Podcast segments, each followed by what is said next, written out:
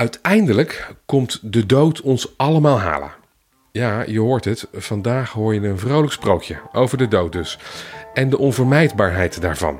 Want er zal een dag komen waarop de dood bij je aanklopt. En dan kun je protesteren of jezelf verstoppen wat je wil. Maar als het tijd is, is het tijd. En dan moet je mee. Leert dit sprookje ons van Godfried Bomans.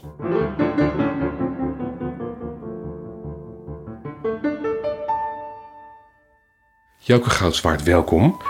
Maak jij je wel eens een voorstelling van hoe de dood bij jou aanklopt? Ja. Ja? en hoe zou dat dan zijn? Hoe zou die aankomen? Ik denk dat hij zich van tevoren aankondigt, nu al een beetje. Ik ben 73 geworden deze maand, dus hij komt dichterbij. Maar ik denk dat hij zich aankondigt door eh, een klop op de deur met: Heb je alles gedaan in je leven waarvoor je hier wilde zijn? Dat denk ik. Dat klinkt als een uh, beleefde klop. Vriendelijk. Is de dood vriendelijk? En... Nee, zeker niet. Nee, zeker niet. Nee, zeker niet. Nee. Maar zo klinkt het wel in jou. Ja. Ja, op, die onder, op die onderlaag. Dus dat gaat voorbij aan hoe het dan feitelijk, hoe het feitelijk gaat. Maar dat het daarom gaat, en dat, daarom gaat, ja. Dat, ja, zo, zo zie ik het. En uh, daar zou ik me ook op willen focussen dan. Op die onderlaag. Ja. En als je die vraag krijgt. Ja.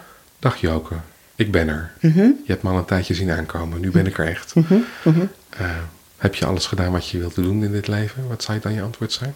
Zou ik zeggen, ik wil heel graag in het volgend leven direct een pianoleraar uh, hebben. Want uh, dat heb ik, daar ben ik niet aan toegekomen en dat gaat me waarschijnlijk niet meer lukken. En verder zou ik zeggen, jeetje, wat een hoop geschenken heb ik uit kunnen pakken. Zo zou het ongeveer zijn, denk ik. Denk je, want we weten het nooit helemaal zeker. Zeker, dat weet je niet. Jij gaat nu beginnen met uh, het sprookje De koning die niet dood wilde van Godfried Bomans. Zeker, ja. Er was dus een koning die niet dood wilde. En dat is eigenlijk een heel begrijpelijk uh, intro. De koning die niet dood wilde. En je moet je voorstellen, hij woonde in een paleis, want hij was natuurlijk de koning. En hij had één ding bij zich, waardoor hij zeker wist: er zal mij niets kwaads overkomen. En dat was het zilveren horloge wat hij onder zijn witte nachthemd droeg. Het tinkelde op de hele en de halve uren. En hij had het ooit van zijn moeder gekregen.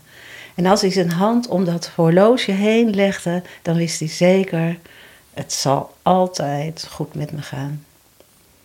En zoals in elk goed verhaal komt er natuurlijk een moment dat het fout gaat. En dat was hier ook, want de dokter, een best strenge paleisarts, kwam binnen.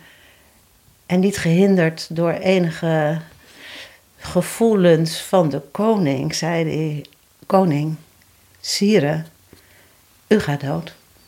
Dat geloof ik niet, zei de koning. Ik hou ook echt van dat zinnetje. Dat geloof ik niet. Ik ben tenslotte de koning. En koningen, ja, misschien mensen sterven, maar koningen, koningen echt niet. Maar voor alle zekerheid, hoe lang heb ik nog? En de lijfarts van de koning keek naar buiten en hij zag. Hij zag dat het nog behoorlijk groen was, precies zoals nu. De bladeren zaten vol aan de bomen en alles botte uit. Hij legde zijn oor op de borst van de koning, voelde zijn pols en zei: Sire, als de bladeren vallen. U kunt gaan, zei de koning, en de dokter liep de koninklijke slaapkamer uit. En roep de tuinman hier. En even later hoorde je op de paleistrappen van de koning de tuinman aankomen, zijn klompen nog aan, hark in de hand, pet op de hoofd.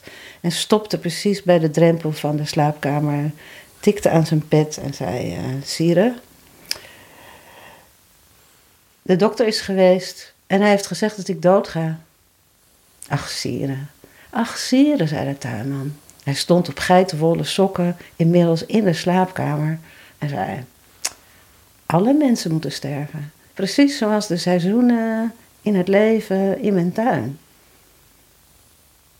En misschien dat zijn ogen wel ontzettend betrouwbaar keken, zoals die van tuinmannen kunnen zijn, omdat die niets anders doen dan leven met de seizoenen. Hij was ook bescheiden. En de koning zei, niet gehinderd door enige bescheidenheid: Dan wil ik vanaf nu dat je alles wat blad draagt in mijn hele paleistuin omhakt.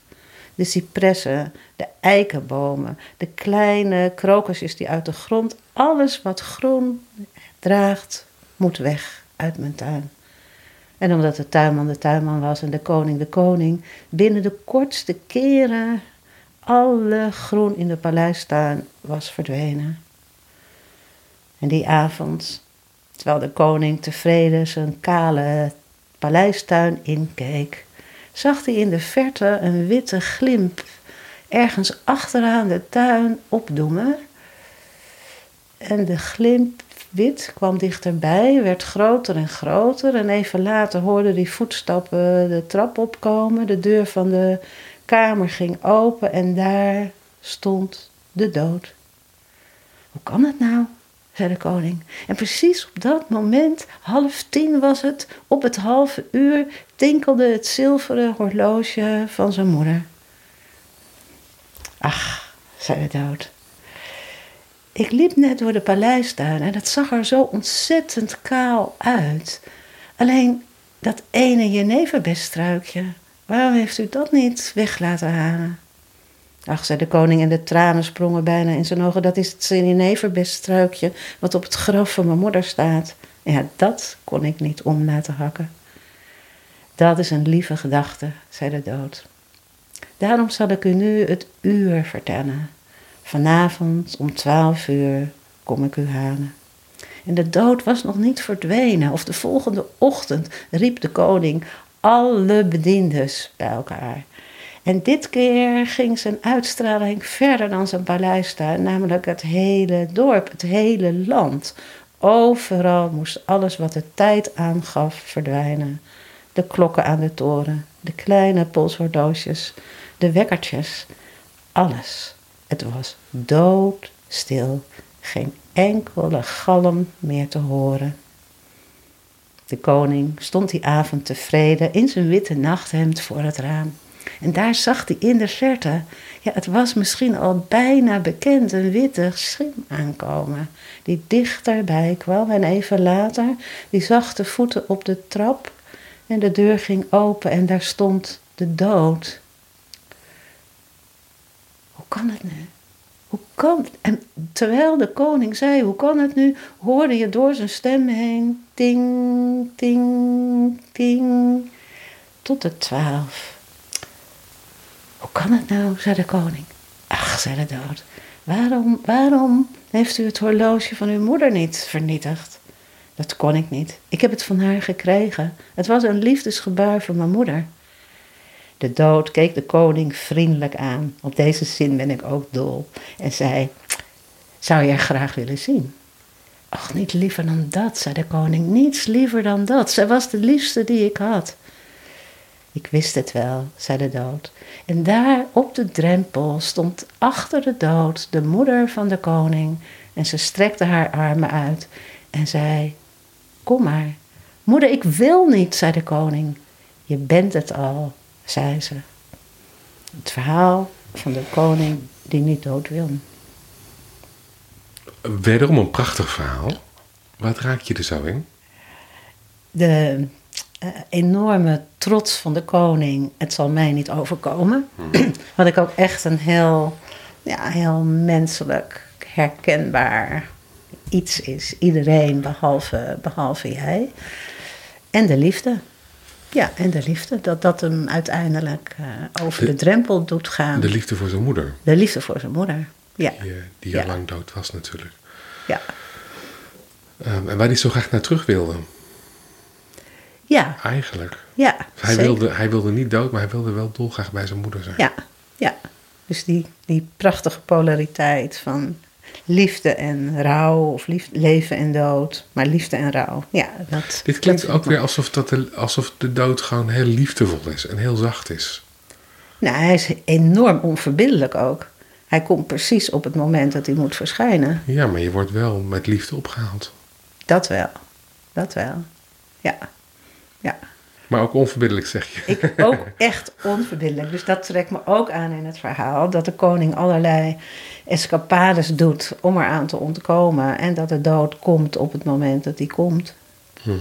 Dat, eh, Waarom vinden wij de dood zo ingewikkeld? Kijk, jij bent rouwtherapeut. Dus jij hebt honderden mensen hier gehad die daar op de een of andere manier mee worstelen. Of die, daarmee, die, die, die daar hun weg nog niet in gevonden hebben.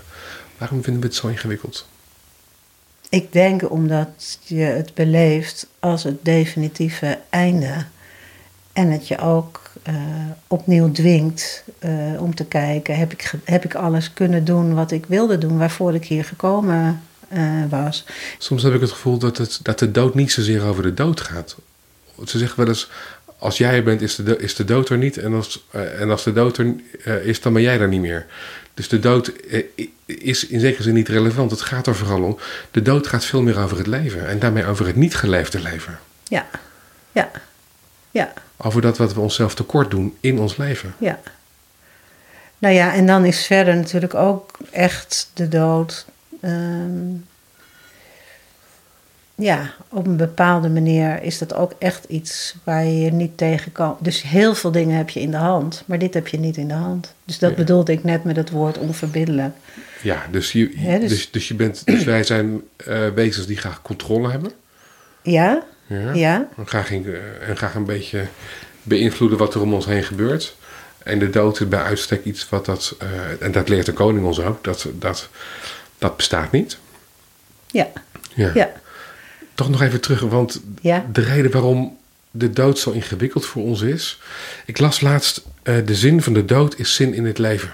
Oh ja, ja, Dus dat gaat eigenlijk ook weer over het moeilijk vinden eh, of de worsteling om inhoud te geven aan het leven. Dat is, dat is veel meer waar de dood over gaat. Herken, Hmm. herken je dat? Ik denk wel dat dat een hele belangrijke vraag is om je te, ja, om je, om je te stellen. Om je te stellen. En het is natuurlijk ook, ook wel eentje echt van hier, een, een, hier? westerse, een Ja. westerse vraag. Omdat je hier over het algemeen een leven kan leiden waar je alles kan doen wat je Ja. wil. Want, dus- waar- want, want hoe, is dat, eh, hoe is dat elders? Nou, je hoeft de krant maar open te slaan natuurlijk. Of maar even je te realiseren dat je, als je lid bent van Amnesty, eh, dat de dood op zoveel plekken eh, zo vroeg aan de deur klopt. Of zo ongenadig op de deur klopt dat je geen enkel ehm, antwoord erop hebt. Dus in die zin dat. Nou, en dan, nog op veel grotere gebieden. Veel grotere gebieden. Volgens mij is het ook al een hele lange traditie die, die teruggaat tot, tot de Romeinen en misschien ook, ook zelfs wel de Grieken. Om ons goed voor te bereiden op de dood. Mhm. Hoe kunnen we dat doen? Hoe kunnen we ons goed voorbereiden? Op de, want deze koning die wacht gewoon tot de laatste minuut. En zelfs dan is probeert hij nog te onderhandelen. Eh, Ja. Hoe kunnen we ons goed voorbereiden op de dood?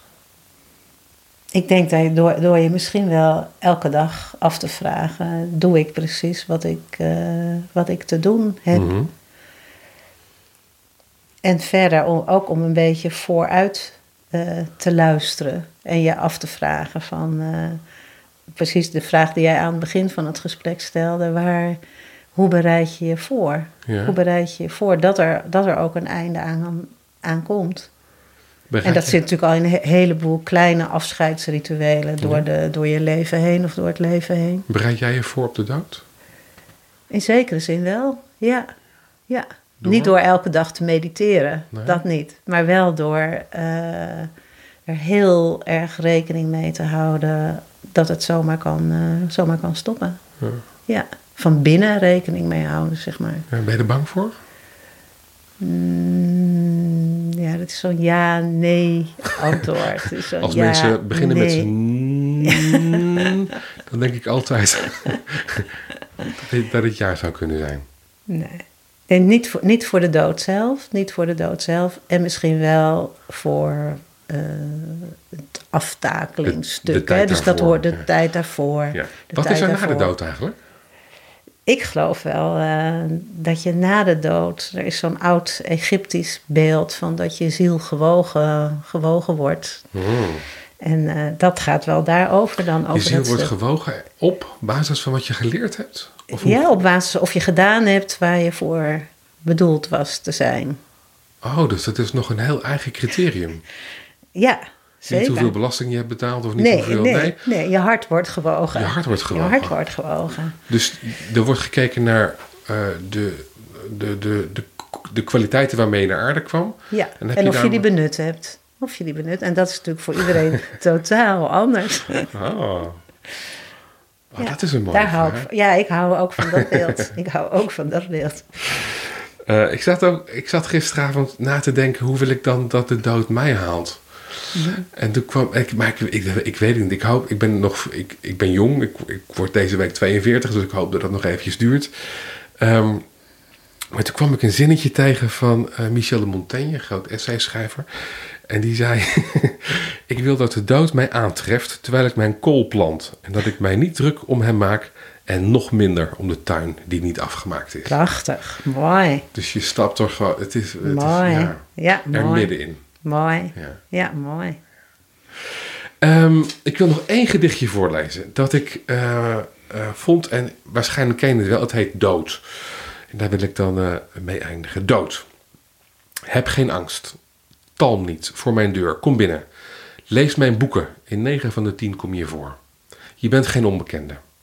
Hou mij niet voor de gek met kwalen waarvan niemand de namen durft te noemen. Leg mij niet in een bed tussen kwijlende kinderen die van ouderdom niet weten wat ze zeggen. Klop mij geen geld uit de zak voor nutteloze uren in chique klinieken. Veeg je voeten en wees welkom. Mooi. Mooi. Wat zegt het je? Ja, mooi. Nou, opnieuw weer naar die essentie. En vergeten wat nutteloos was. En het, ook, het, het beest ook in de bek kijken. Ja, zeker. Ja, zeker. Veeg je voeten en wees Ja, welkom. prachtig. Ja. ja. Dit was de aflevering die ging over de koning die niet dood wilde in de Sprookjespodcast. Mooi sprookje van Godfried Bomans. Dankjewel voor het luisteren. In de Sprookjespodcast hoor je elke aflevering een nieuw sprookje van over de hele wereld. Mijn naam is Basti Barancini en vandaag hoorde je Joke Goudswaard. Joke werkt bij Phoenix Opleidingen en heeft veel ervaring op het gebied van therapie, onderwijs en training.